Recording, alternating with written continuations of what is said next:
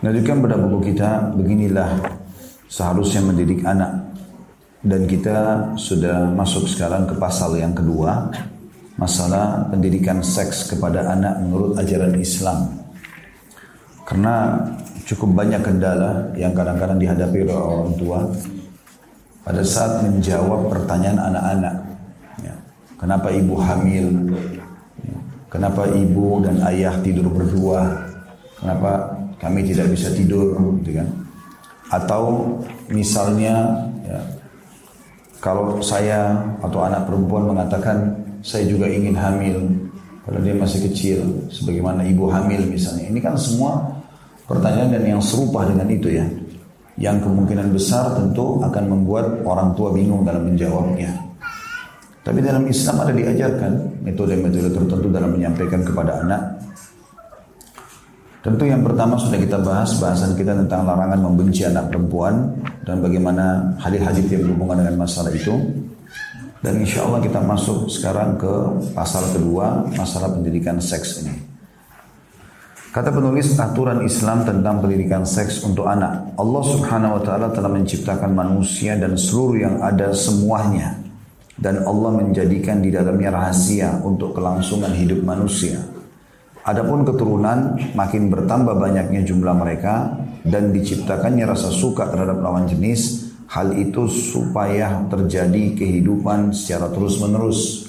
Maksudnya tanpa ada kecenderungan dengan lawan jenis, tidak mungkin ada populasi manusia. Kalau bapak-bapak dan ibu-ibu tidak saling suka, Allah tidak tanamkan itu, maka secara otomatis tidak akan ada interaksi biologis dan tidak ada manusia. Adapun aturan Islam dalam dan syariatnya telah menetapkan waktu munculnya rasa suka dalam diri seseorang kepada lawan jenisnya dan menamainya dengan masa-masa taklif atau terbeban terkena beban kewajiban. Yakni bila seorang anak telah mencapai umur tersebut maka segala tindakan yang dilakukannya akan dimintai pertanggungjawaban maksudnya balik.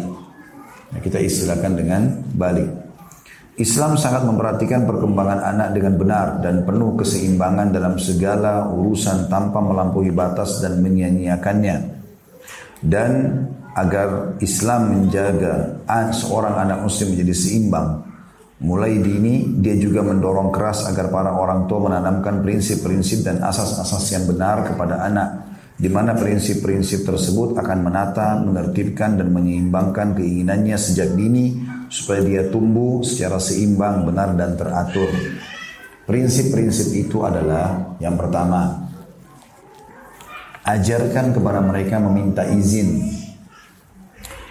Islam sangat menekankan pendidikan terhadap anak sejak usia dini secara bertahap, yakni ketika mereka masih kanak-kanak, seperti mengajarkan adab meminta izin, di samping mengurus dan juga mengarahkan mereka kita mendapati dalam Al-Quran sumber hukum Islam yang pertama telah memberikan batas bagi anak kecil agar meminta izin sebelum masuk kamar orang tua dalam tiga waktu yang amat penting yaitu sebelum sholat subuh pada siang hari waktu tidur siang dan setelah sholat isya di mana waktu-waktu tersebut adalah waktu-waktu buat tidur dan istirahat bagi orang tua pada saat mereka memakai pakaian ringan dan juga dalam kondisi tidak boleh terlihat oleh karena itu Islam mewajibkan adab meminta izin dan mengajarkan hal tersebut dimulai dari sejak kecil di tahap awal mereka belajar. Juga ketika mereka telah dewasa mencapai umur balik yakni umur taklif kena beban hukum. Maka dia telah wajib meminta izin di rumah pada saat hendak menemui kedua orang tuanya, kapan pun, kapan pun dan di tempat mana pun. Serta tiap kali dia mendapati pintu kamar orang tua dalam keadaan tertutup Dalilnya adalah surah An-Nur ayat 58. Jadi sebelum saya baca dalilnya, kalau belum balik, diajarkan untuk terbiasa ketuk pintu kalau mau masuk, ucapkan salam. Dan di waktu-waktu yang Allah sebutkan ini dianjurkan agar mereka minta izin. Selain waktu ini boleh tidak minta izin. Karena umumnya di waktu-waktu yang disebutkan dalam ayat sebentar lagi kita baca adalah waktu di mana orang istirahat, suami istri. Dan biasanya kalau istirahat di ranjang umumnya terjadi interaksi biologis. Selain waktu ini tentu boleh saja anak masuk ya ketemu sama orang tuanya, terutama sebelum balik. Kalau sudah balik beda hukumnya. setiap waktu ingin ketemu orang tua harus izin, terutama kalau orang tua lagi dalam kamar. Ya, tidak boleh spontanitas buka pintu kamar orang tua. Ini semua karena orang tuanya tidak tanamkan, maka akhirnya terjadilah ya, yang tidak diinginkan.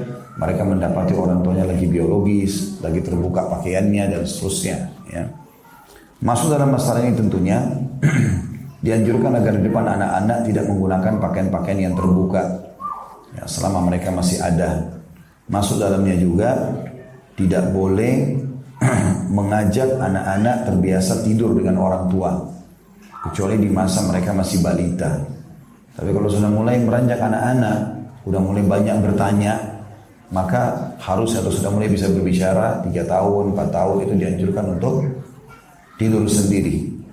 Masuk dalamnya juga tidak boleh orang tua mandi di depan anak-anaknya dalam kondisi telanjang gitu kan karena mereka sudah mulai melihat dan itu bisa saja dengan polosnya dia menceritakan kepada teman-temannya. Ya, bahwasanya pada saat ayah mandi, ibu mandi, saya melihatnya, saya begini dan begitu gitu kan. Dan muncul pertanyaan-pertanyaan kenapa ibu beda badannya sama saya kalau anak perempuan. Ya, itu pernah terjadi. Pernah anak saya menanyakan itu kepada istri saya gitu. Walaupun mungkin bukan dalam kondisi saya lagi mandi ya. Tapi dia bingung jawabnya, dia tanya kepada saya. Jadi pertanyaan anak perempuan saya kenapa dada saya nggak seperti Umi gitu kan? Dia masih kecil. Ini karena dia melihat itu. Kalau dia tidak melihat kan dia tidak akan bertanya. Tapi karena sering diperlihatkan maka secara otomatis akan muncul pertanyaan. Itu contoh-contohnya. Jadi usahakan pada saat mandi memang ibu dan bapak di kamar mandi menguncinya. Anak-anak tidak boleh masuk. Alasan apa pun jangan bilang karena masih kecil. Kalau mau mandikan dia, mandikan dia. Jangan ikutkan dia mandi bersama kita. Gitu kan? Karena kita tidak tahu apa yang sedang terlintas di benak dia pada saat melihat kita menggosok sabun, pada saat kita uh, apalah yang melakukan pada saat mandi kita tidak tahu, kadang-kadang kita lalai, maka itu jangan sampai terekam oleh mereka. Biasakan mereka tidak pernah melihat itu gitu ya. Allah berfirman dalam surah An-Nur ayat 58, A'udzu billahi minasyaitonir rajim, ya ayyuhalladzina amanu ليستأذنكم الذين ملكت أيمانكم والذين لم يبلغوا الحلم منكم ثلاث مرات من قبل صلاة الفجر وحين تضعون ثيابكم من الظهيرة ومن بعد صلاة العشاء ثلاث أورات لكم. ليس عليكم ولا عليهم جناه بعدهن. طوافون عليكم بعضكم على بعد. Kadzalika yubayyinullahu lakumul ayat wallahu alimun hakim. Wahai orang-orang yang beriman, hendaklah hamba sahaya laki-laki dan perempuan yang kalian miliki dan orang-orang yang belum balik masih anak-anak di antara kalian meminta izin kepada kalian pada tiga kali kesempatan, tiga waktu. Jadi tidak boleh tiba-tiba nyelonong masuk ke dalam kamar, walaupun pembantu di rumah. Yaitu sebelum sholat subuh karena umumnya orang waktu tidur ini. Dan biasa orang tidur wajar menggunakan pakaian-pakaian yang ringan, terbuka dan seterusnya. Kemudian yang kedua ketika kalian menanggalkan pakaian luar kalian di tengah hari. Karena ada istilah kailula ya, tidur siang. Tidur siang itu bagian daripada agama. Bagi bapak ibu yang tidak punya kegiatan mendesak di siang hari dan dia bisa gunakan untuk istirahat itu bagian dari syariat. Nabi SAW mengatakan berkailula lah karena syaitan tidak berkailula. Ya, umumnya ulama mengatakan waktunya antara duhur sama asar. Walaupun beberapa saat saja dia gunakan berapa menit. Tapi dia berkailulah. Kemudian yang ketiga, setelah sholat isya. Sunnah Nabi SAW dan bagian dari syariat kita, setelah isya tidak ada aktivitas kecuali istirahat. Tentu ada keadaan tertentu seperti misalnya kedatangan tamu, takziah, ya, ada terjadi permasalahan besar yang harus dipecahkan secara kekeluargaan, itu lain. Ada undangan makan, ada pengajian, itu beda. Tapi kalau lagi tidak ada kegiatan, maka dianjurkan agar segera istirahat setelah isya. Dan Nabi SAW melarang begadang tanpa ada udur. Ya, tanpa ada udur. Itulah tiga waktu aurat dari kalian.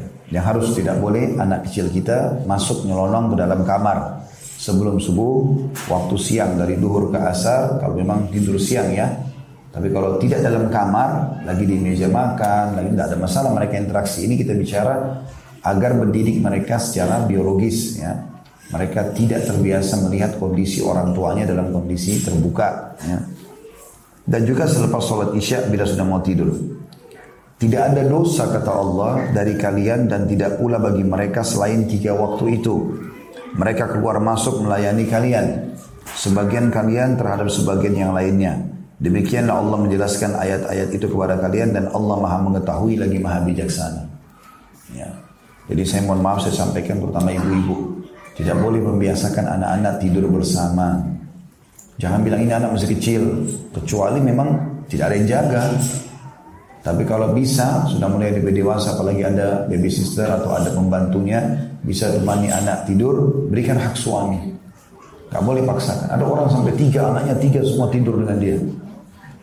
Kalau suaminya minta waktu nggak ada. Akhirnya sembunyi-sembunyi di belakang selimut, bawa selimut. Anaknya bisa tahu.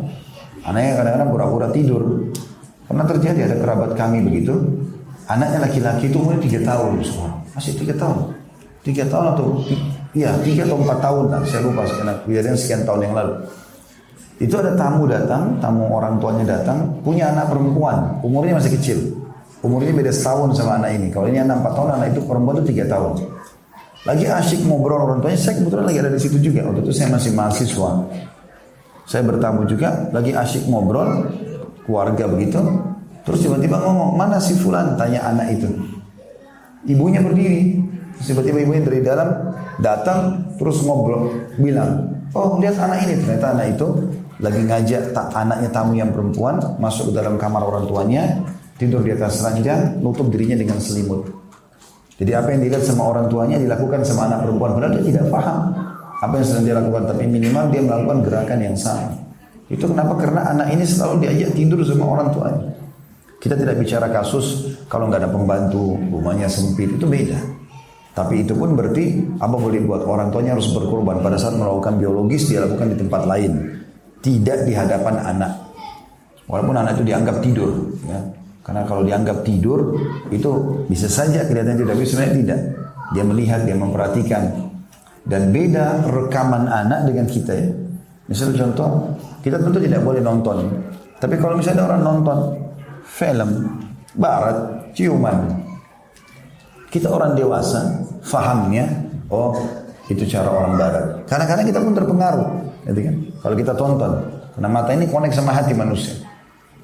Tapi kalau anak kecil yang nonton, apa yang direkam pada benak dia? Dia tidak berpikir seperti bapak ibu. Dia tidak bilang, oh itu orang barat. Enggak. Oh kalau saya besar, saya harus begitu. Itu rekaman anak-anak. Maka ter, ter, terekamlah di benak dia, kalau besar dia harus punya lawan jenis, dia harus menciumnya di jalanan misalnya. Sebagaimana tontonan tersebut. Itu bahaya sekali.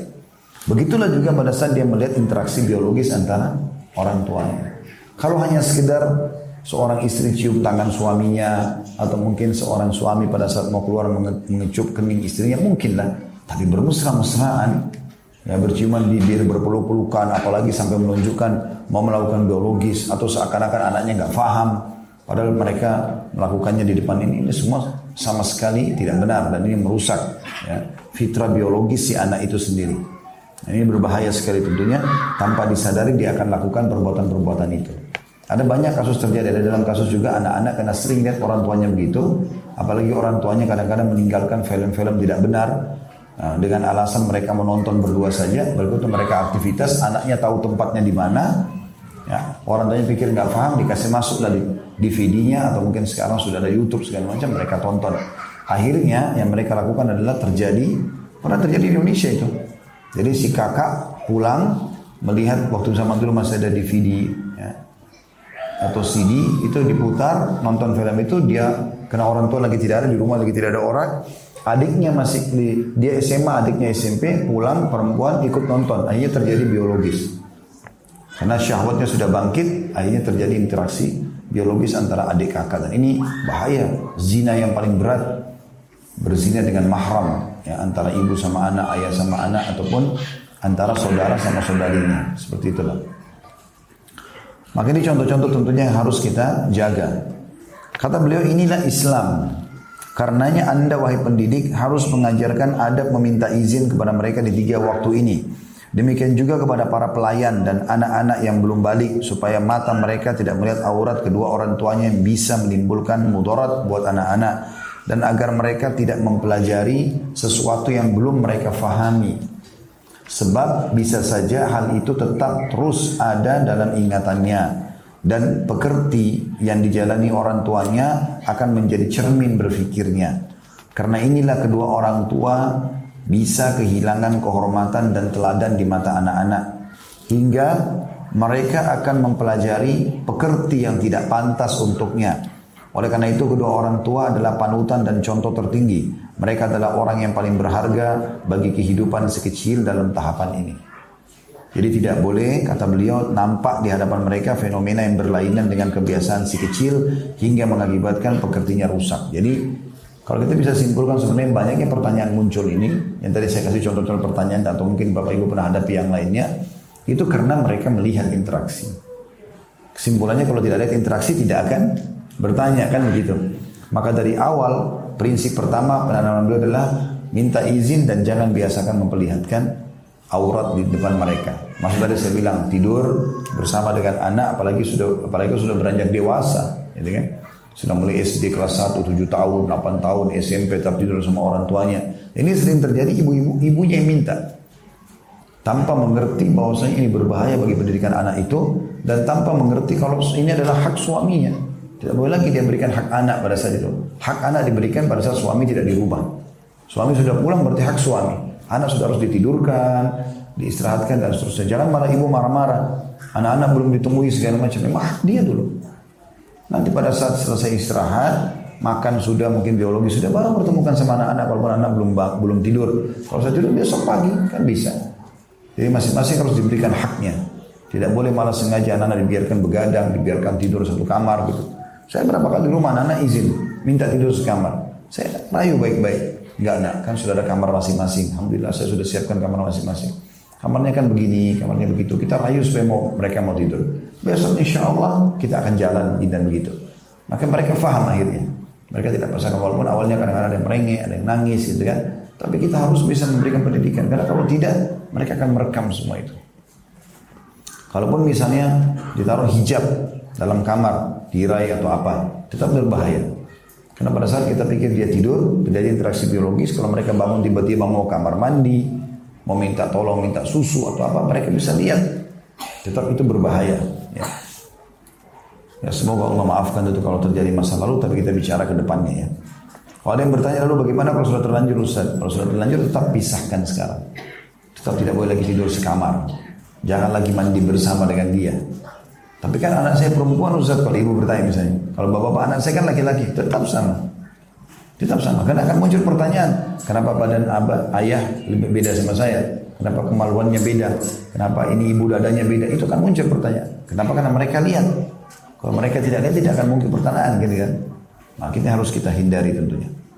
Dan kalau ada pertanyaan pun jawab sebatas yang butuh jawaban. Misal gini, kenapa dada saya tidak seperti ibu? Ya nanti kalau besar nak kamu juga akan begini. Selesai. Sebatas itu saja. Gitu kan? Kenapa Umi tidak sholat misalnya lagi haid? Ada haid. Apa itu haid? Semua wanita kalau sudah dewasa nanti akan keluar darah dari kemaluannya. Sebatas itu. Ya. Kita jelaskan tapi sebatas itu. Dan jangan didiamkan ya. Karena kalau bapak ibu diamkan juga tidak menjawab, dia akan cari sumber lain. Pertanyaan yang muncul dari seorang anak menandakan dia butuh informasi. Kalau kita mengatakan, wah kok anak kecil ngerti apa, gak usah nanya-nanya. Misal, dia akan penasaran. Pasti dia akan cari. Penasarannya anak kecil itu besar sekali. Nah, coba Bapak Ibu kalau punya satu benda, taruh dalam lemari misalnya. Cuma mau menguji saja ya. Taruh dalam lemari, biarkan mereka lihat tapi dalam lemari. Kalau dia tanya, apa itu ayah, apa itu ibu? Udah nggak usah tahu. Kalau ibu coba ke pinggir, dia akan cari tangga naik untuk buka. Dia mau tahu apa itu. Dan tidak bisa kita lindungi, tidak bisa kita bendung itu. Pasti nanti kalaupun tidak sekarang kita marahin segala macam, kita pergi dia akan kembali. Ya. Dan anak-anak itu punya fitrah, merasa punya hak pada diri kita. Merasa punya hak. Makanya jangan ibu dan bapak sekalian marah kalau dia banyak bertanya. Karena dia merasa dia punya hak. Gitu kan? Kenapa aku nggak diberikan ini? Kenapa aku nggak begini? Itu anak-anak biasa. Itu haknya dia. Kita tinggal bagaimana menjawabnya dengan baik. Gitu. Kata beliau oleh karena itu Islam mendorong keras untuk mengajarkan anak-anak adab meminta izin agar tidak terjadi hal-hal seperti di atas. Karena melihat aurat akan membekas di hati si kecil hal yang negatif sehingga akan merusak jiwa dan sarafnya ketika dewasa. Dalam Islam ada penjagaan dan penanggulangan sejak dini. Seorang pendidik Nabi Muhammad SAW telah mengajarkan adab meminta izin kepada anak-anak kita. Dari Anas radhiyallahu anhu dia berkata, aku adalah pelayan Nabi SAW. Aku biasa masuk tanpa meminta izin. Lalu ketika aku datang pada suatu hari, beliau bersabda, jangan begitu wahai anakku. Telah turun perintah, yaitu jangan sekali-kali kamu masuk tanpa izin. Hadis ini riwayat Bukhari dalam kitab Adab Mufrad nomor 807, Al-Baihaqi dalam Syu'abil Iman nomor 7795. Tentang izin dan adab-adabnya telah disebutkan sebelumnya. Demikian juga wajib bagi kedua orang tua menutup aurat mereka di setiap waktu untuk membantu anak-anak mereka menyeimbangkan naluri mereka dan tidak melebihkannya. Oleh karena itu kita harus membantu anak-anak kita untuk bersikap seimbang dan berbuat baik. Ya, seperti itu. Jadi walaupun interaksi sehari-hari ya, usahakan dalam bentuk-bentuk pakaian segala macam itu, terutama dengan lawan jenis itu nanti akan misalnya ibu sama anak laki-lakinya, bapak sama anak perempuannya. Ini juga ada batasan-batasan yang harus dijaga. Ya, jangan sampai nanti terlalu lost control ya. Dalam arti kata anaknya sudah dewasa, ibu ini kemudian anak laki-lakinya melihatnya pakai baju tidur yang semuanya serba terbuka gitu kan. Terus duduk berdua sama walaupun anaknya tetap tidak boleh. Dia menggunakan pakaian santun. Gitu juga dengan bapak. Sama anak perempuannya. Dia harus ada batasan-batasannya. Karena tetap saja namanya manusia. Punya syahwat gitu dan selalu banyak terjadi interaksi biologis antara orang tua sama anak gitu. kalau nggak salah pernah dalam pengajian itu ditanya begitu seorang ibu bertanya apa yang saya harus lakukan pada saat suami saya meniduri anak saya dalam kondisi seperti itu seperti apa lagi apa yang harus dilakukan? Ternyata memang karena ayahnya sering kali melihat tubuh anak perempuannya, gitu kan? Dan dianggap ini anak nggak apa-apa, karena sudah balik, sudah dewasa. Maka itu bisa mengundang syahwat. Itu normal. Syahwat bisa muncul. Syaitan tunggangi lagi. Maka lebih baik tentu dihindari. Diajar kalau walaupun depan ayahnya dia jaga tutup aurat, depan ibunya juga dia jaga tutup aurat. Prinsip yang kedua, membiasakan anak untuk menundukkan pandangan dan menjaga aurat agar terdidik secara biologis ya. Ini salah pendidikan seks tentunya. Seorang pendidik seharusnya menanamkan kaidah dan prinsip yang penting ini yang termasuk dalam aturan Islam yaitu menundukkan pandangan dari yang haram. Didik mereka tidak boleh tonton yang tidak boleh. Melihatkan aurat misalnya.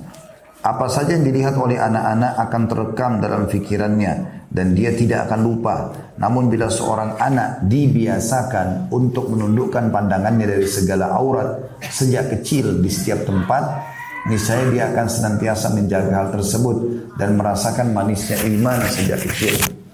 Mengajarkan anak sejak kecil bahwa Allah Ta'ala selalu melihat dan memperhatikannya, niscaya ketakwaannya bertambah. Menjadikan dia ingin mendekatkan diri kepada Tuhannya dan mengetahui bahwa Allah telah mewajibkan hal tersebut kepada orang-orang mukmin. Allah Taala berfirman. Jadi ayat ini bukan cuma untuk orang dewasa, dimulai dari sejak dini. Karena pendidikan seksual ini akan baik kalau dia dibiasakan tidak melihat kecuali yang halal bagi dia. Kapan dia bebas melihat apa saja yang dia inginkan, maka secara otomatis rusaklah fitrah biologisnya. Maka matanya pun akan jadi liar, terbiasa melihat ini dan itu. Bahkan kita heran melihat kadang-kadang anak kecil terbiasa mengintip orang dewasa mandi, ya, atau sengaja membuka pakaian orang dewasa pada saat tidur. Karena dia penasaran, ingin mengetahui semua itu. Itu sering terjadi, banyak kasus rumah tangga begitu. Ya karena anak-anaknya penasaran maka ibunya lagi tidur sengaja dibuka pakaiannya atau kakaknya ya, atau pembantunya maka ini terjadi. Allah berfirman tentang masalah perintah menurunkan pandangan dari yang haram surah An-Nur ayat 30 sampai 31. A'udzu billahi minasyaitonir rajim. Kullil mu'minina yaghuddu min absarihim wa yahfazu furujahum. Dzalika azka lahum. Innallaha khabirum bima yasna'un. Yaghdudna min absarihinna wa yahfazna furujahunna wa la yubdina zinatahunna illa ma dhahara minha. Al-ayat, katakanlah kepada laki-laki yang beriman agar mereka menjaga pandangan mereka dan memelihara kemaluan mereka. Yang demikian itu lebih suci bagi mereka. Sesungguhnya Allah maha teliti terhadap apa yang mereka perbuat.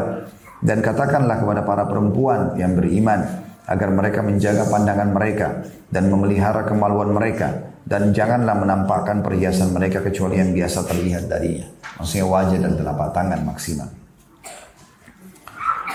Demikian pun juga Rasulullah SAW mengajarkan kepada kita, meski masih kanak-kanak agar tidak memandang perempuan yang bukan mahram.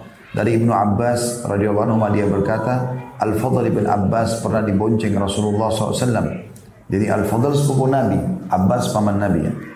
Lalu datanglah kepada beliau seorang wanita dari Khansa meminta fatwa kepada beliau. Maaf dari Khatham ya. Ya, dari Hatham dari satu suku namanya Hatham uh, Hatham ya. Meminta fatwa kepada beliau maka Al-Fadl memandangnya. Wanita itu pun memandangnya. Lalu Rasulullah SAW memalingkan muka Al-Fadl ke arah lain. Ada sini riwayat Bukhari nomor 6228 dan Muslim 1334 Ahmad meriwayatkan dari Fadl bin Abbas dia berkata aku pernah dibonceng Rasulullah SAW dari Jam atau Muzdalifah menuju Mina Ketika beliau bergerak, tiba-tiba nampaklah seorang badui yang membonceng putrinya yang cantik. Beliau bergerak bersama orang badui itu. Lalu aku melihatnya, maka Rasulullah SAW melihatku. Segeralah beliau membalikkan mukaku dari muka wanita itu. Aku pun melihatnya lagi, maka beliau pun membalikkan mukaku dari mukanya sampai beliau melakukan itu hal tiga. Hal itu tiga kali, namun aku tidak berhenti juga. Beliau senantiasa bertalbiyah sampai melemparkan jamrat, sampai melempar jamratul aqabah. Jadi maksudnya Fadl bin Abbas ini masih muda, remaja. Dia lihat anak perempuan, Nabi SAW alihkan mukanya. Ini menandakan memang juga pola pendidikannya ya. Bukan dimarahin, bukan ditampar. Tapi dialihkan saja wajahnya. Kayak kalau tontonan sekarang dimatikan. Ini tidak boleh, nak haram. Dialihkan ke yang lain. Gitu.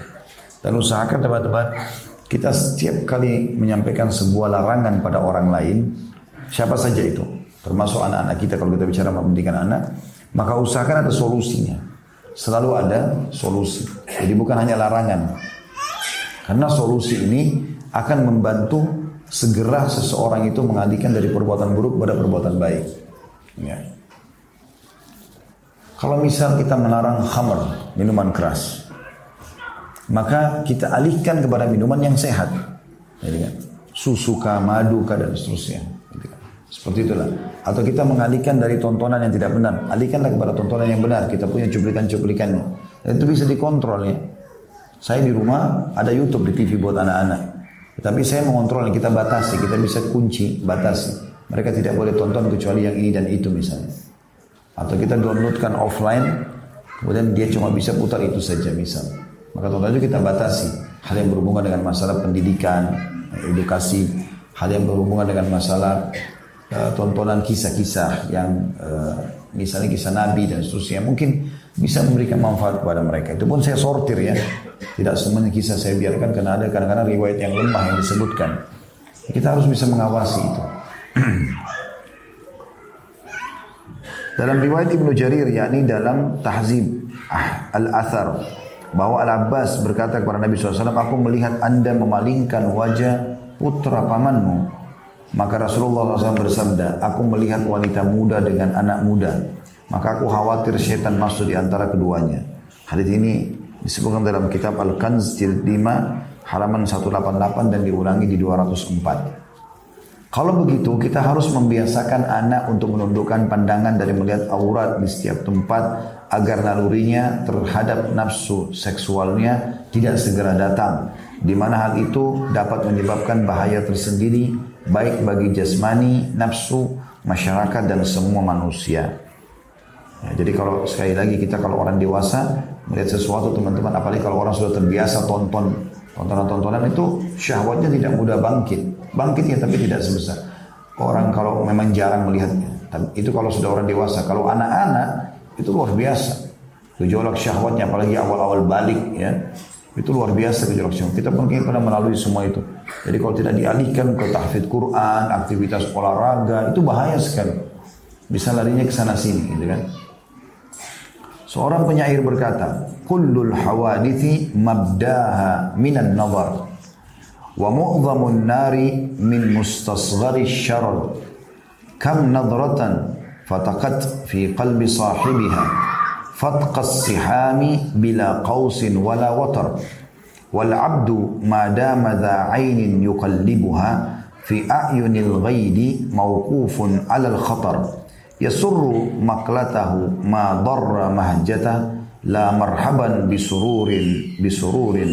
bidharar segala peristiwa dimulai dari memandang. Semuanya dari pandangan seperti api yang muncul dari bunga api yang kecil. Selama atau seseorang selama masih memiliki mata yang bisa digerakkan akan senantiasa dalam bahaya. Yang memandang merasa senang terhadap sesuatu yang bisa membahayakan hatinya. Tidak ada ucapan selamat kepada rasa senang yang membawa bencana. Lalu lanjutannya dikatakan, "Idza kunta fi ni'matin far'aha fa inna dhunuba tuzilu ni'am wa khutha bi ta'ati rabbil ibad farubbal ibadi sari'un niqam." Bila kamu berada dalam kenikmatan maka jagalah karena dosa akan menghilangkan kenikmatan itu. Artinya kalau kau sehat, lagi ada harta segala macam hati-hati dari dosa. Dosa dimulai tadi dengan masalah pandangan-pandangan mata. Karena dosa akan menghilangkan kenikmatan.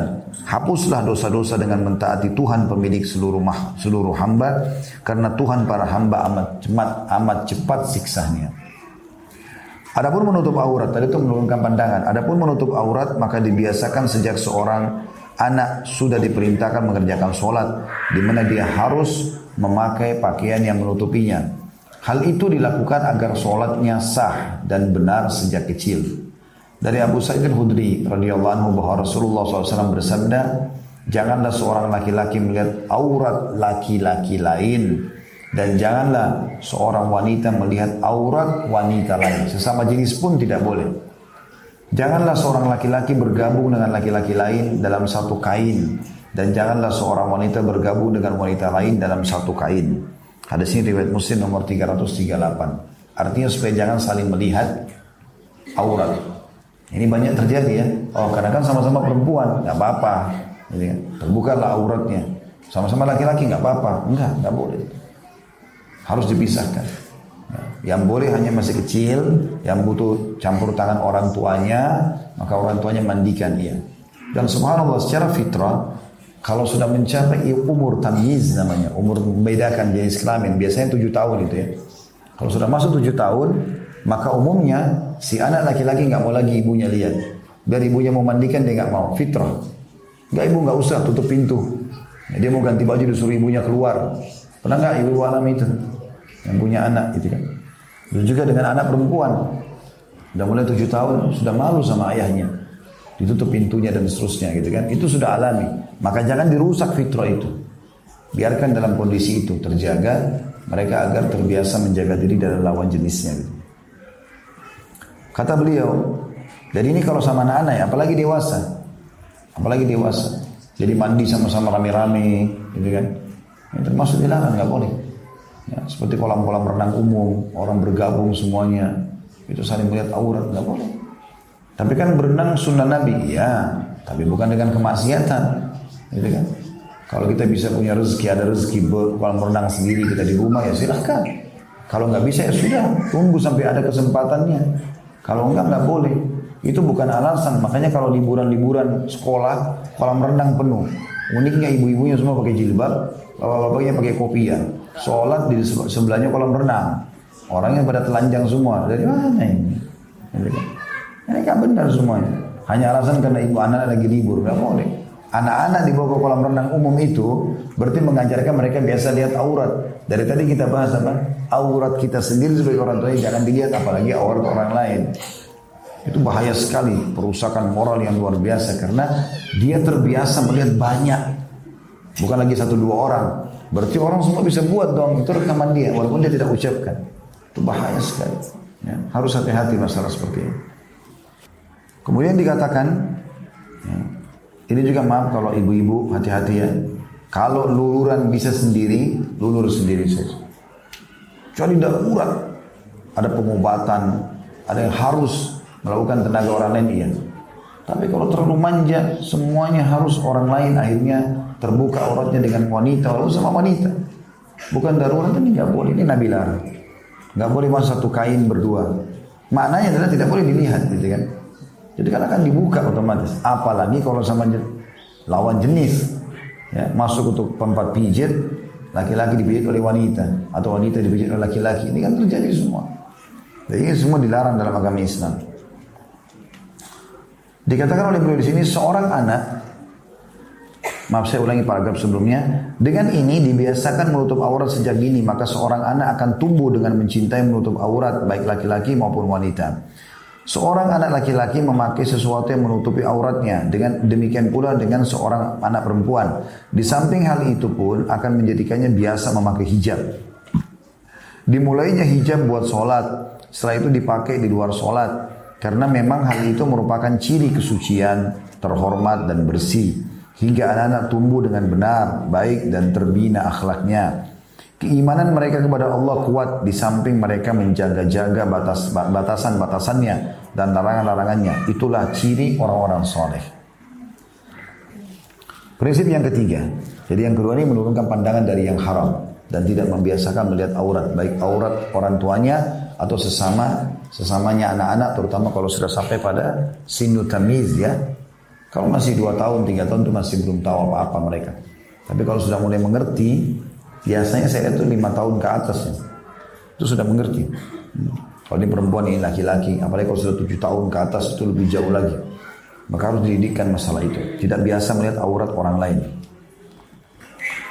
Prinsip ketiga, memisahkan tempat tidur anak-anak.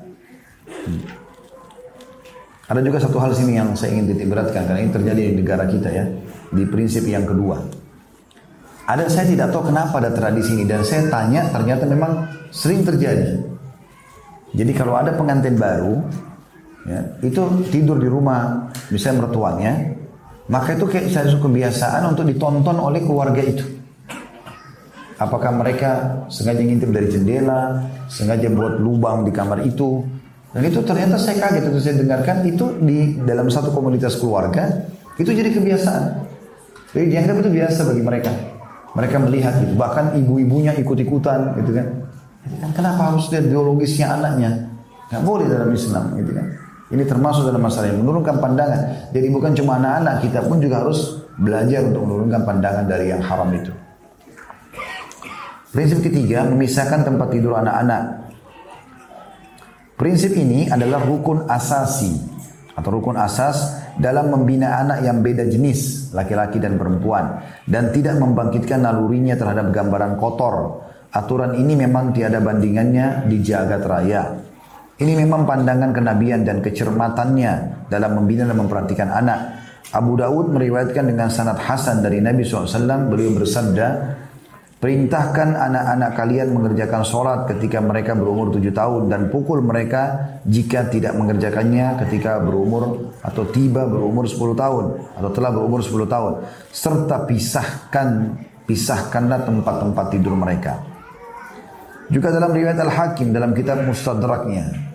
Diriwayat disebutkan, bila anak-anakmu telah berusia tujuh tahun, maka pisahkanlah tempat-tempat tidur mereka. Dan bila telah mencapai usia sepuluh tahun, maka pukullah mereka bila tidak mau mengerjakan sholat. Kata beliau, kalau begitu, adanya pemisahan ini dimulai sejak berusia sepuluh tahun, ketika naluri mereka sudah mulai berkembang. Namun bagaimanakah pemisahan ranjangnya yang benar? Yang termasuk pemisahan itu adalah tidak tidurnya dua orang anak kecil dalam satu selimut atau tidur di satu ranjang, sedang saudaranya tidur di ranjang yang lain dengan dua selimut yang berbeda dan tiap kali bertambah jauh pemisahannya maka itu lebih utama. Maksudnya adalah kalau misalnya bisa masing-masing punya kamar bagus. Apalagi kalau sudah 10 tahun ya, itu udah harusnya begitu. Perempuan sama perempuan, laki-laki sama laki-laki pun sama. Apalagi kalau lawan jenis ya. Perempuan pun dipisahkan kalau kita punya kemampuan untuk misahkan ada rumah luas segala macam gitu kan. Kalau nggak bisa, maka sesama jenis minimal beda ranjang. Kalau misalnya ranjangnya susun kah atau ranjangnya dua terpisah seperti itulah. Ya. Dan dianjurkan oleh para ulama tidak menumpuk sekian banyak anak dalam satu ruangan ya, walaupun sama jenis terutama di umur 10 tahun demi untuk pendidikan mereka semampunya. Tapi kalau orang miskin beda. Cuma punya satu petak tanah, rumah, nggak ada lagi tempat harus tidur di sana, ya apa boleh buat. Ketika itu pun dia berusaha memisahkan antara anak laki-laki, kemudian dia sebagai orang tua baru anak perempuannya. Jadi dipisahkan. Al-Allama Syekh Waliullah Ad-Dahlawi berkata, sebenarnya perintah memisahkan anak-anak dalam tempat-tempat tidur mereka karena umur mereka saat itu telah mendekati balik dan tidak mustahil bila tidur mereka dalam satu ranjang maka bisa membangkitkan syahwat. Oleh karenanya perlu pencegahan sebelum hal tersebut terjadi. Maka dari itu tidur di satu ranjang dan di satu selimut bisa mengakibatkan timbulnya naluri seksual pada diri mereka. Dan hal itu bisa semakin cepat dan kian bertambah hingga sampai bergejolak. Akhirnya tidak ada jalan melampiaskannya kecuali dengan melakukan beberapa penyimpangan dan kejanggalan.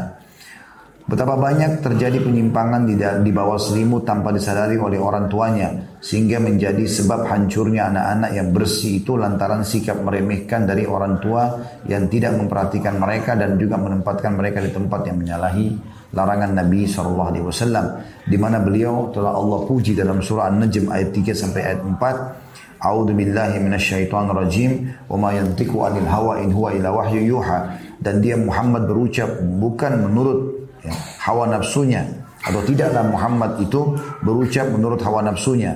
Ia Al-Quran dan Sunnah yang disampaikan itu tidak disampaikan ya, tidak lain adalah wahyu yang diwahyukan kepadanya. Jadi saya ulangi tidaklah Muhammad atau tidaklah dia Muhammad SAW berucap menurut hawa nafsunya ia dalam kurung Al-Quran dan Sunnah disampaikan itu tidak lain adalah wahyu yang diwahyukan kepadanya.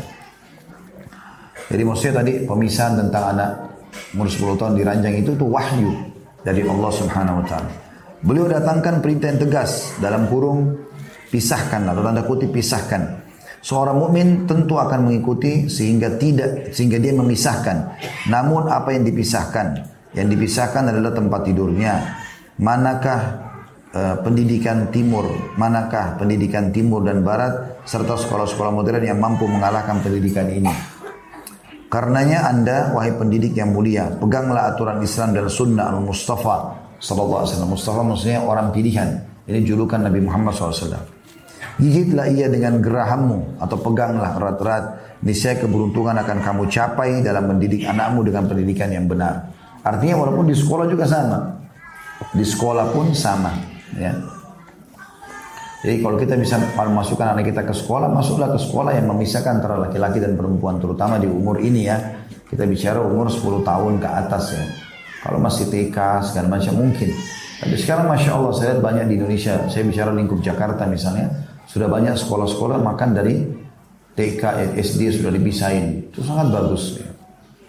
Allah berfirman dalam surah Al-Hasyr ayat 7, A'udzu billahi minasyaitonir rajim wa ma atakumur rasulu fakhuduhu wa ma nahakum anhu fantahu. Apa pun yang dibawakan atau diberikan Rasul kepada kalian maka terimalah dan apa saja yang dilarang dari kalian darinya maka tinggalkanlah. Sekarang kita masuk ke prinsip yang keempat. Tidur dalam keadaan miring ke kanan. Kalau tadi yang ketiga memisahkan di tempat tidur ya. Dari Al-Bara ibn Azib radhiyallahu anhu dia berkata, Apabila Rasulullah SAW hendak tidur di tempat tidurnya, beliau tidur di bagian kanannya atau miring ke sebelah kanan. Kemudian berdoa, Allahumma aslamtu nafsi ilaik. Ya Allah, aku serahkan diriku kepadamu. Wa wajjahtu wajhi ilaik. Aku hadapkan wajahku kepadamu. Wa fawwadtu amri ilaik. Aku serahkan urusanku kepadamu. Wa alja'tu zahri ilaik dan aku menyandarkan punggungku kepadamu ragbatan wa rahbatan ilaik karena rasa berharap dan cemas kepadamu. La malja'a wa la manja minka illa tidak ada tempat berlindung dan tempat menyelamatkan diri selain kepadamu. Amantu bi kitabika alladhi anzalt. Aku telah beriman kepada kitabmu Al-Quran yang telah engkau turunkan wa nabiyyika alladhi arsalt. Dan kepada nabimu yang telah engkau utus ini riwayat Bukhari nomor 6313 dan 6315, Muslim 2710. Juga ini intinya adalah doanya juga baik kalau dihafal, kalau sudah hafal, kalau belum hafal bisa dihafal tentunya. Yang belum hafal doa ini bisa difoto dari bukunya, coba diulangi karena ini sangat baik. Ya, doa ini dibaca pada saat kita balik sisi kanan. Tapi yang ingin dititik beratkan di prinsip keempat adalah tidur sisi kanannya. Juga dari Al-Bara dia berkata Rasulullah SAW bersabda kepadaku Ida ataita majja'aka fatawadda wudu'aka lis-salat thumma taji' ala shikkika al-ayman thumma qul Bila kamu hendak mendatangi tempat tidurmu maka beruduklah seperti wudukmu untuk sholat kemudian berbaringlah di atas bagian kananmu, sisi kanan tubuh. Kemudian ucapkanlah. Lalu beliau menyebutkan seperti doa di atas yang di dalamnya disebutkan waj'alhunna akhir ma taqul dan jadikanlah kalimat itu adalah ucapan terakhir yang kamu ucapkan. Hadis riwayat Bukhari jilid 11 halaman 93 94 dan juga di jilid 13 halaman 288 dan Muslim nomor 2710. Juga dari Aisyah radhiyallahu anha dia berkata, biasanya Nabi SAW sholat malam 11 rakaat. Bila fajar telah terbit, maka beliau sholat dua rakaat yang ringan, maksudnya sholat sunnatul fajar sebelum sholat subuh ya. Lalu berbaring di atas bagian kanan atau miring ke kanan hingga datang muadzin untuk memberitahukan beliau bahwa iqamah akan segera dikumandangkan. Hadis ini riwayat Bukhari jadi 11 halaman 92 dan Muslim 736. Tidur miring ke kanan adalah sunnah Rasulullah SAW. Hal itu juga menjauhkan anak-anak dari segala perangsang nafsu syahwat ketika tidur. Karena Rasulullah SAW menyebut tidur telungkup sebagai tidurnya syaitan. Dari Ya'ish bin Takhfa Al-Ghifari radhiyallahu anhu dia mengatakan, Bapakku berkata kepadaku ketika aku tidur di masjid dengan telungkup Tiba-tiba ada seseorang yang menggerak-gerakkan aku dengan kakinya lalu mengatakan sungguhnya ini adalah cara tidur yang dibenci oleh Allah. Lalu aku melihatnya ternyata beliau adalah Rasulullah sallallahu alaihi wasallam. Hadis riwayat Abu Daud nomor 5040, Ahmad di 3 halaman 430, Ibnu Majah 300 atau 3722, Tirmidzi 2769. Karenanya seorang pendidik bila mendapati anaknya tidur seperti ini yaitu telungkup, ya, tengkurap, maka dia harus mengubahnya dan supaya membuatnya suka miring tidur miring ke kanan serta menjauhi tidur telungkup karena hal tersebut menyebabkan banyak penyakit bagi tubuh. Para dokter sepakat agar seseorang tidak tidur telungkup demi menjaganya dari bahaya-bahaya yang mengancam. Di samping hal tersebut juga mengikuti sunnah Nabi, Muhammad SAW, seorang dokter, seorang pendidik, dokter, dan pembimbing umat Islam. Ajarilah anakmu untuk tidur miring sebelah kanan demi menjaganya dari penyakit dan demi mengikuti sunnah suci ini. Orang yang bertanya Ustaz, tidur sisi kanan apa hubungannya dengan masalah syahwat, pendidikan pendidikan seksual? Jawabannya tadi sudah dikatakan oleh beliau. Karena kita cuma pilihan tidurnya cuma dua. Umumnya orang tidur ya. Ada orang tidur yang ketiga, tapi itu jarang orang lakukan. Kalau bukan balik kanan dan balik kiri, maka tengkurap. Nah, biasanya begitu. Orang tidur menghadap ke atas itu biasa tapi lebih jarang itu tidur yang ketiga. Umumnya penelitian mengatakan manusia cuma tidur dari sisi kanannya itu kirinya ataupun tidur tengkurap. Nah tidur-tidur ini semua dilarang. Ya, tidur tengkurap dilarang. Karena kata Nabi SAW itulah tidurnya tidur yang dibenci oleh Allah. Ya. Kalau nggak salah dalam riwayatnya dikatakan tidurnya penghuni neraka. Maka tengkurap itu biasanya mendatangkan mimpi-mimpi buruk. Ya. Termasuk juga orang sering mimpi junub itu kalau orang tengkurap biasanya. Tapi kalau dia tidur dari sisi kanannya, maka syaitan tidak menguasainya karena dia mengikuti sunnah Nabi. Otomatis dia jauh dari mimpi-mimpi buruk atau mimpi-mimpi biologis yang bisa mengganggu syahwatnya. Seperti itulah. Prinsip yang kelima dalam pendidikan seksnya anak-anak ini adalah berhubungan dengan masalah cepat tidur dan cepat bangun membiasakan mereka tidak begadang. Cepat tidur dan cepat bangun termasuk sunnah sang pendidik dalam kurung Nabi Muhammad SAW.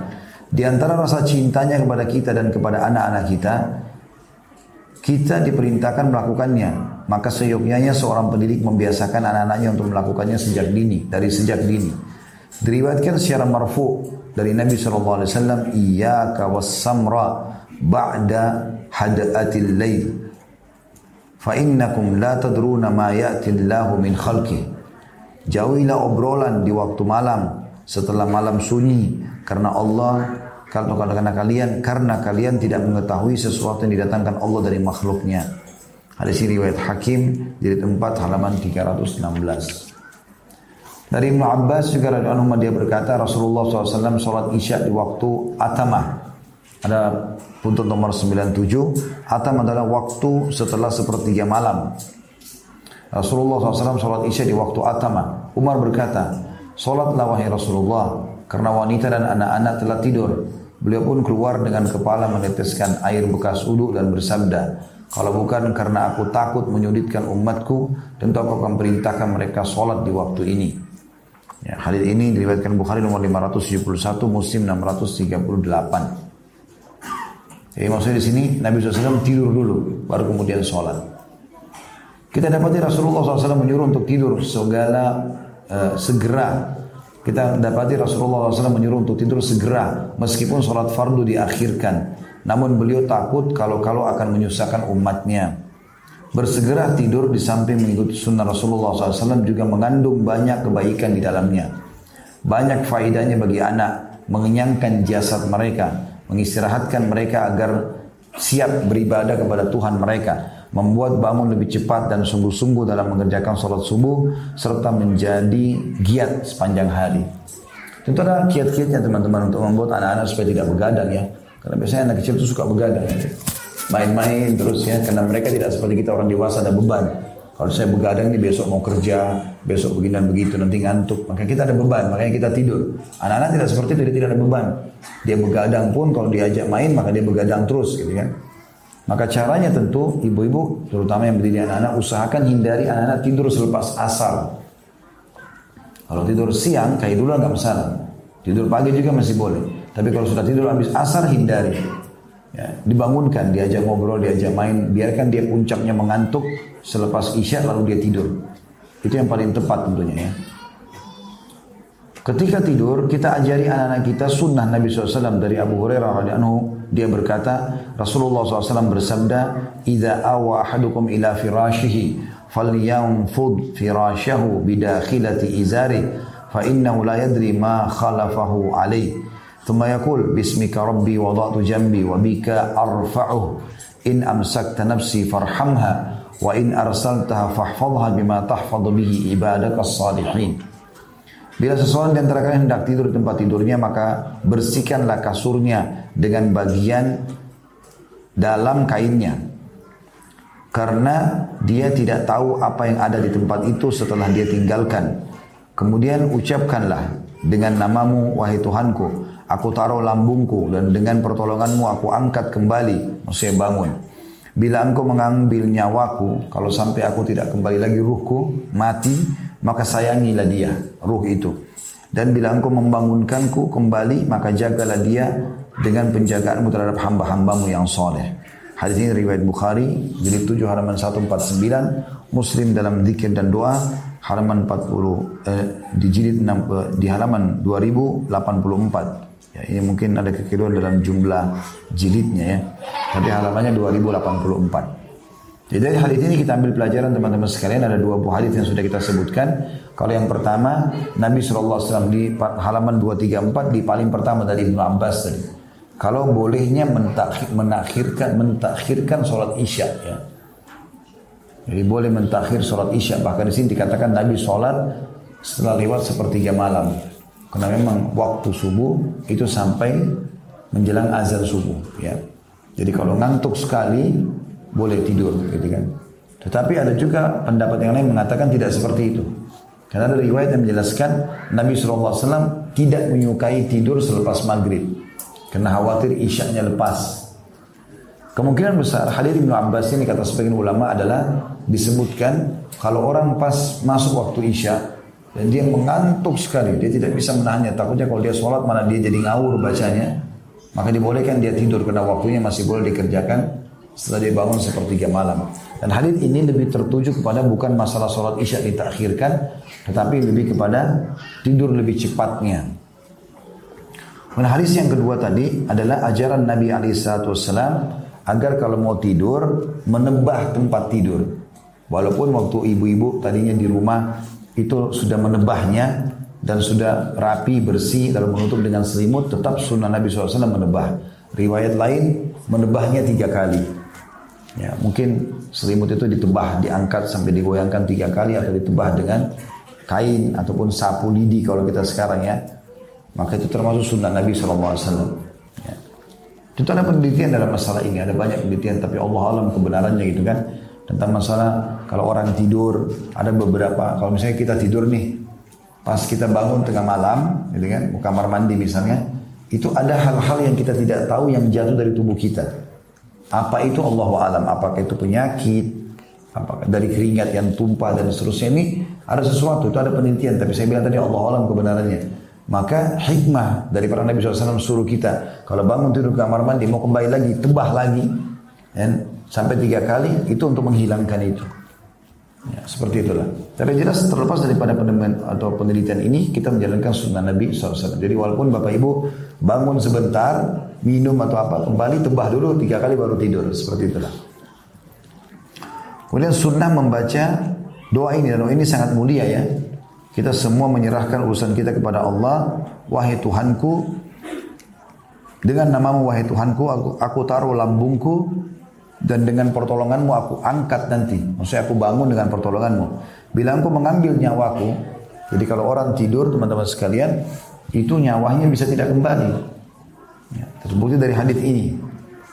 Dalam riwayat yang lain, Nabi SAW mengatakan, kalau seseorang tidur itu, ruhnya keluar tapi bukan keluar seperti proses pada saat dia akan dicabut ruhnya. Sakaratil maut gitu kan. Allahu alam seperti apa? Kemudian kalau Allah menahannya maka matilah orang itu. Dan kalau Allah ingin mengembalikan maka kembali dia hidup dan beraktivitas sampai ajalnya datang. Maka kita minta di sini ya Allah kalau seandainya nyawaku kau tahan tidak kembali lagi ke jasadku maka kasihanilah dia. Maafkanlah kesalahannya. Dan kalau kau pun mengembalikannya aku hidup lagi jagalah sebagaimana engkau menjaga hamba-hambamu yang soleh.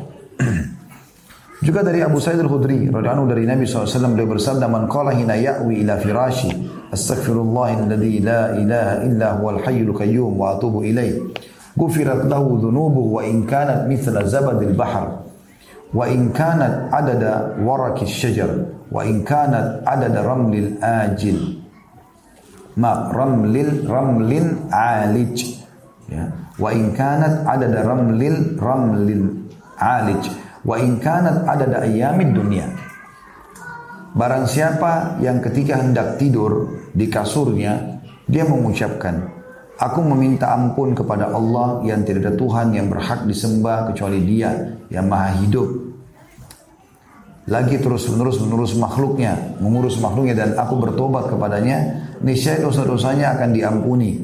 Walaupun seperti bui di lautan, walaupun sebanyak daun-daun pepohonan, walaupun sebanyak pasir-pasir yang bertumpukan, walaupun sebanyak hari-hari dunia. Nah, hadis ini riwayatkan Tirmidzi nomor 3406. Dan ini menandakan kita dianjurkan selain baca doa tadi, kita juga beristighfar pada saat mau tidur. Juga dari Anas bin Malik radhiyallahu berkata, Rasulullah SAW bersabda, "Man qala idza awa ila firashi alhamdulillahilladzi kafani wa awani walhamdulillahilladzi at'amani wa saqani walhamdulillahilladzi manna alayya fa afdal faqad hamidallah bi jami' mahamidil khalqi kullihim." Barang siapa yang berkata ketika hendak tidur di kasurnya, Alhamdulillah segala puji bagi Allah, alladzi yang kafani mencukupiku wa awani dan memberikanku tempat tinggal. Walhamdulillahilladzi at'amani wa saqani. Dan segala puji bagi Allah yang telah memberiku makan dan memberiku minum. Walhamdulillahilladzi manna alayya fa afdal dan segala puji bagi Allah yang telah menganugerahkan nikmat yang banyak kepadaku maka dengan doa ini sesungguhnya dia telah memuji Allah dengan seluruh pujian makhluk secara keseluruhan atau dengan seluruh pujian makhluk semuanya. Hadis ini riwayatkan Baihaqi dalam Syu'abil Iman nomor 4382. Juga sunnah membaca ayat kursi ya, pada saat mau tidur. Sebagaimana sudah kita tahu ayat kursi disebutkan dalam Al-Baqarah 255 A'udzu billahi minasyaitonir rajim. Allahu la ilaha illa huwal hayyul qayyum Allah tidak ada Tuhan yang berhak disembah kecuali Dia yang Maha Hidup dan terus menerus mengurus makhluknya. La ta'khudhuhu sinatun wala naum. Dia tidak pernah ngantuk apalagi tidur. Lahu ma fis samawati wa ma fil ard. Miliknya lah semua yang di langit dan di bumi. Man dalladhi yashfa'u indahu illa biidni. Tidak ada yang dapat memberi pertolongan di sisinya tanpa seizinnya. Ya'lamu ma baina aydihim wa ma khalfahum. Dia Maha mengetahui apa yang ada di, di belakang, apa yang ada di tangan mereka dan juga di belak, di hadapan mereka dan di belakang mereka. Wala yuhituna bi syai'in min ilmihi illa bima dan juga mereka tidak mengetahui sesuatu apa pun tentang ilmunya melainkan yang dia kehendaki lalu dikatakan wasi'a kursiyyus samawati wal ard. Maha luaslah kursinya Allah ya, yang ada pijakan kaki di singgasana ya, seluruh langit dan bumi. Wala ya'udhu hifdhuhuma wa huwal azim. Dan juga dia tidak pernah merasa berat memelihara keduanya langit dan bumi. Dan dia maha tinggi lagi maha besar karena bila engkau membaca ayat kursi pada saat mau tidur, niscaya senantiasa akan ada penjagaan dari Allah dan engkau tidak akan didekati syaitan hingga pagi hari. Maksudnya tidak akan mimpi biologis haram, tidak akan diganggu dan seterusnya. Ya. Hal itu sebagaimana keterangan Rasulullah SAW kepada Abu Hurairah radhiyallahu berkenaan dengan hadis tentang syaitan. Hadis ini riwayat Bukhari nomor 3275 5010. Jadi pernah Abu Hurairah ini jaga Baitul Mal. Baitul Mal itu kayak tempat harta muslimin. Kemudian ada pencuri masuk, ditangkap oleh Abu Hurairah. Lalu dia nangis-nangis mengatakan saya punya banyak anak, maafkan, lepaskan saya gitu-gitu. Abu Hurairah maafkan. Pas pergi ke masjid subuh, maka Nabi tanya, Hai Abu Hurairah bagaimana dengan tamumu tadi malam? Nabi tahu ada pencuri. Maka dia mengatakan, ya Rasulullah dia menyesal. Mencuri dan banyak anaknya, maka saya lepaskan, apalagi kita tidak ambil barang. Dan janji dia janji tidak akan kembali. Kata Nabi SAW dia bohong, dia akan kembali nanti malam.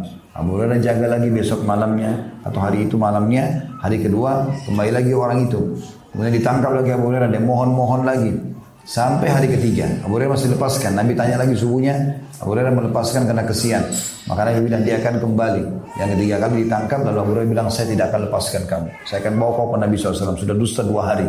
Maka dia mengatakan, wahai Abu Hurairah, mau nggak saya ajarkan kamu ayat Al-Quran kalau kau baca kau akan selamat dari syaitan. Gak akan ada godaannya dia. Kata Abu Hurairah baiklah. Tapi dengan syarat kau lepaskan saya. Abu Hurairah mengatakan baik saya akan lepaskan kamu. Lalu dia mengajarkan Al-Baqarah 255 ini. Maksudnya ayat kursi. Maka Abu Hurairah datang ke masjid Nabi SAW tanya. Bagaimana tamu semalam ya Rasulullah saya lepaskan karena dia mengajarkan kepada saya katanya ayat Al-Quran yaitu ayat kursi kalau saya baca saya bisa selamat dari syaitan. Maka kata Nabi SAW, itu adalah syaitan yang menjelma menjadi manusia yang mencuri barangmu di Baitul Mal. Dan ketahuilah dia bohong ya. Berapa beberapa, beberapa hari kepadamu dia tidak akan kembali tapi dia jujur benar dalam penyampaian tentang ayat kursi itu. Ya, berarti ayat kursi ini akan membantu orang selamat dari syaitan. Itu makna kalimat di sini. Hal itu sebagaimana keterangan Rasulullah SAW kepada Abu Hurairah radhiyallahu berkenan dengan hadis tentang syaitan Rasulullah SAW juga mendorong kita untuk mendidik anak kita agar segera tidur dan segera bangun. Beliau bersabda, Allahumma barik di ummati fi bukuriha. Ya Allah berikanlah keberkahan pada umatku pada pagi hari mereka. Hadis ini riwayat Ibnu Majah nomor 2236, Ibnu Khuzaimah di nomor 1818 dan juga Tirmidzi nomor 1230. Al-Baihaqi meriwayatkan tentang masuknya Nabi SAW ke rumah Fatimah radhiyallahu di waktu pagi. Beliau melihatnya dalam keadaan tidur, lalu beliau membangunkannya. Beliau katakan kepadanya, bangunlah, lalu saksikanlah rezeki Tuhanmu. Hadis ini diriwayatkan oleh Baihaqi dalam Asy-Syu'ab nomor 4300 4735. Jadi hadis ini semua menjelaskan kepada kita tentang pentingnya tidur cepat dan bangun cepat. Tidak boleh begadang kecuali darurat dan juga kalau bangun ya kalau sudah tidur cukup maka otomatis pagi bisa bangun lebih cepat. Tentu kecuali punya udur ya. Seperti misalnya ibu-ibu kadang-kadang kalau masih punya bayi baru lahir, sering kali rewel di malam hari. Itu berbeda. Begadang yang tidak salah di situ ya. Atau memang ada suami istri, mereka bercanda, bercumbuan, walaupun semalam suntuk, apalagi kalau datang dari safar atau baru menikah, itu semua tidak masuk dalam larangan. Ya, jadi nggak boleh pengantin baru digodain sama pasangannya, eh nggak boleh loh, haram dalam Islam, gitu kan. Nanti aja pagi-pagi. Ya. Karena Nabi SAW mengatakan termasuk tidak tidak masuk dalam hal sia-sia, nggak masuk dalam dosa, itu adalah bercandanya ataupun bercumbuannya suami istri. Jadi orang semalam suntuk kata ulama. Atau seseorang mengurus kuda perangnya. Perlengkapan perang besok dia mau jihad. Besok dia mau safar haji, mau safar umroh, dia harus persiapan gitu kan. Itu lain. Itu semua boleh. Di sini maksudnya adalah kelalaian, nggak ada apa-apa. Hanya duduk nonton sampai jam 12, ngomong waktu itu yang dimaksud yang dilarang di sini. Kata beliau ini sebagai penutup ya, kalau ada pertanyaan silakan ditulis setelah ini. Inilah pendidik dalam kurung Nabi Muhammad SAW. Beliau mengajarkan kita dan anak-anak kita untuk segera tidur. Karena di dalamnya banyak beberapa faedah. Demikian juga beliau mengajarkan kita berzikir sebelum tidur. Dan bila kita membiasakan anak kita untuk berzikir sebelum tidur karena mengikuti sunnah Nabi, niscaya sekecil akan tidur dalam lindungan Allah dan penjagaannya. Ketika bangun pun masih dalam kondisi seperti itu. Dijauhi dari segala keburukan, pemikiran dan waswas syaitan. Di samping itu, dia mempelajari tentang sikap berlindung kepada Allah di setiap amal yang dikerjakan hingga di waktu tidur dan bangunnya. Allah adalah sebaik-baik penjaga, dialah yang paling penyayang atau zat yang paling penyayang.